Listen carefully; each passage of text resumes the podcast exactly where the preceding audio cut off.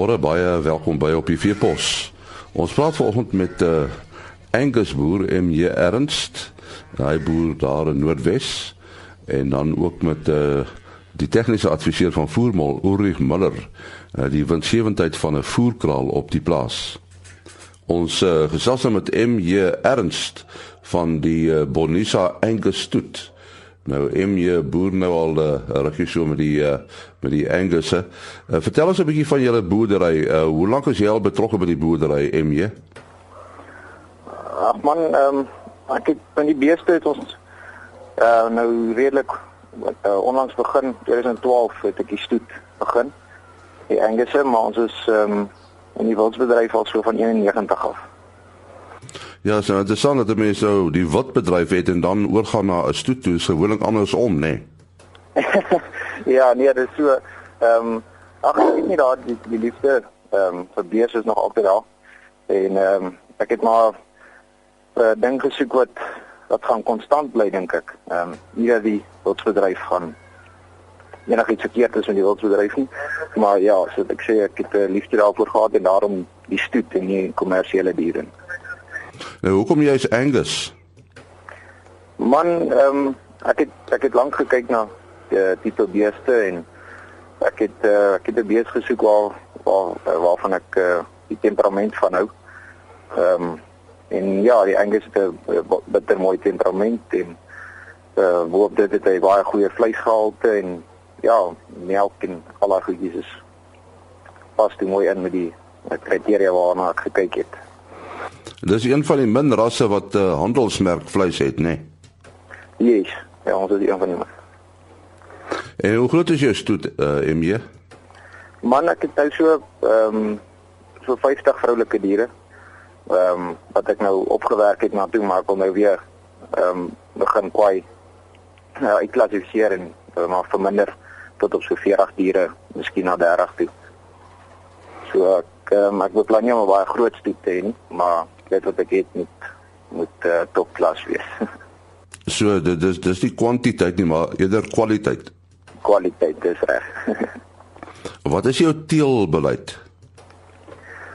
Man, ehm um, ek het uh, so dat ek my uh, artikel hier pas gesê dat ek was ek nog op universiteit toe ek begin het. So dit was my moeilik om ehm um, sekere bulle op sekere koeie te sit. So ek het ehm um, my ek het net 'n ek het 'n goeie stoetbul gaan koop en ek het hom op al my koeie gesit, maar nou dat ek terug is op die plaas, wil ek graag nou begin ehm um, eienskappe uitkies wat ehm um, van sekere bulle wat op sekere koeie gaan werk.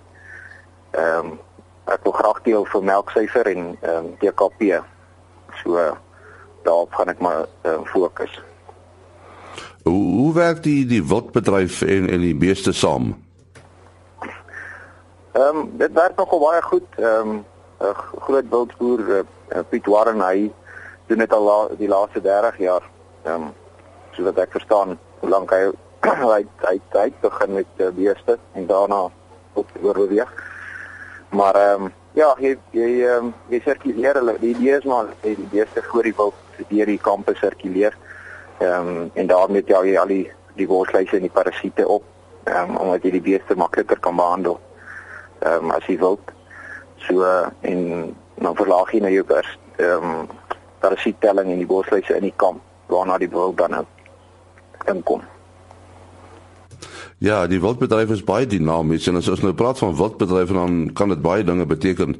Is jy op kleurvariante of is jy meer op uh, dinge soos buffels en so aan? Ja, ons uh, ons grootste of ons uh, um, spesies wat die meeste is is maar die suiwels. Ehm um, wat dit sien in zombies. En dan ehm um, ons ons het ons het leer variasies, maar ehm um, ja, ons is ons fokus maar meer op die suiwels op die stadium. Wat dink jy is die eh, die toekoms van die, van die wildbedryf? Uh, is dit vir voedselsekuriteit of is dit meer eksotiese jag? Man, ehm um, ek sou sê ons is nog nie op die voedsel nie, alhoewel ons ehm um, dink ek persoonlik dat dit ehm um, dat dit in daai rigting kan beweeg of moet beweeg, sal ek sê. Veral vir die uitvoermark omdat dit 'n baie gesonde bron van vleis is of 'n gesonde vleis is. Maar ehm um, ja, op die stadium dink ek is die skaarsheid wat die wat die ding dryf en die eksklusiwiteit van die van die wild. en dan op die einde van die dag is dit maar ehm um, vir die vir die jagbedryf dink ek. Ja, die jagbedryf is 'n bietjie in, in die kruisvuur op die oomblik, nee, met die leeu. Ja, nee, dit was dit is so. Ehm um, ek dink net die, getalle wat nou ehm um, was nie heeltemal daar nie. Almal het, het die getalle gesoek om te teel. Ehm um, veral met die kleurvariante wat die vroulike die gewone vroulike diere opgekoop is om mee te teel. Maar ehm um, dit beweeg nou na 'n stadium toe waar eh uh, waar die ouens se getalle nou vol is. So die jagbedryf gaan nou weer ehm um, ek dink definitief van 2016 af goed gevoed word ehm um, deur die wildspelers. Ehm uh, maar die getalle is nou ek dink op 'n stadium waar hulle nou moet begin weer uit uitverkoop om te jag. Is daar is daar genoeg wildteelers? Ja, nee, verseker. Ek dink daar is definitief genoeg. Ja, jy verbou ook jou eie rifoer. Vertel 'n bietjie meer. Ag man, ons het ons is maar in 'n in 'n ehm um, in 'n waterarm area. Ek sou nie sê ons is ons is volop in die water nie, maar uh, ons het so twee uh, boorgate wat ons wat uh, redelik sterk is en daarop het ons ehm um, twee spulpunte opgesit. Uh, Regtig nie groot nie. Um, ek dink hulle so totaal so 6 hektaar ehm um, per per spulpunt en dan daaronder uh, plant ons nou net mielies en wat ons nou uh, laat droog word en dan sny ons die hele maal ons die hele plant op vir ehm um, vir droog rifoer. So en watter omgewing boer julle? Ehm um, ons is hier in ehm um, Noordwes tussen Klerksdorp en Bommerandstad. En het jy enige uitbreidingsplanne? Man, ons het ehm um, ons gaan nou daar uh, my broer boer ehm um, daar op Artisfontein op ons uh, op die oorspronklike familieplaas. En dan ehm um, ons uh, ja, ons kyk na na ander ehm um, tipe boerdery oor byvoorbeeld na 'n boerdery wat ons na kyk nog. En dan ehm um, ons uh, siviele ingenieur, sy praktyk is hier op die plaas. Ehm um, waar ons almal maar ook ehm um, saam is, ek kom swaar met so ja, ons is uh, ons probeer diversifiseer. Ja, dat is die wagwoord, net diversifikasie. Ja. nou sê baie dankie aan MJ Ernst daarvan die Bonisa Angestoet.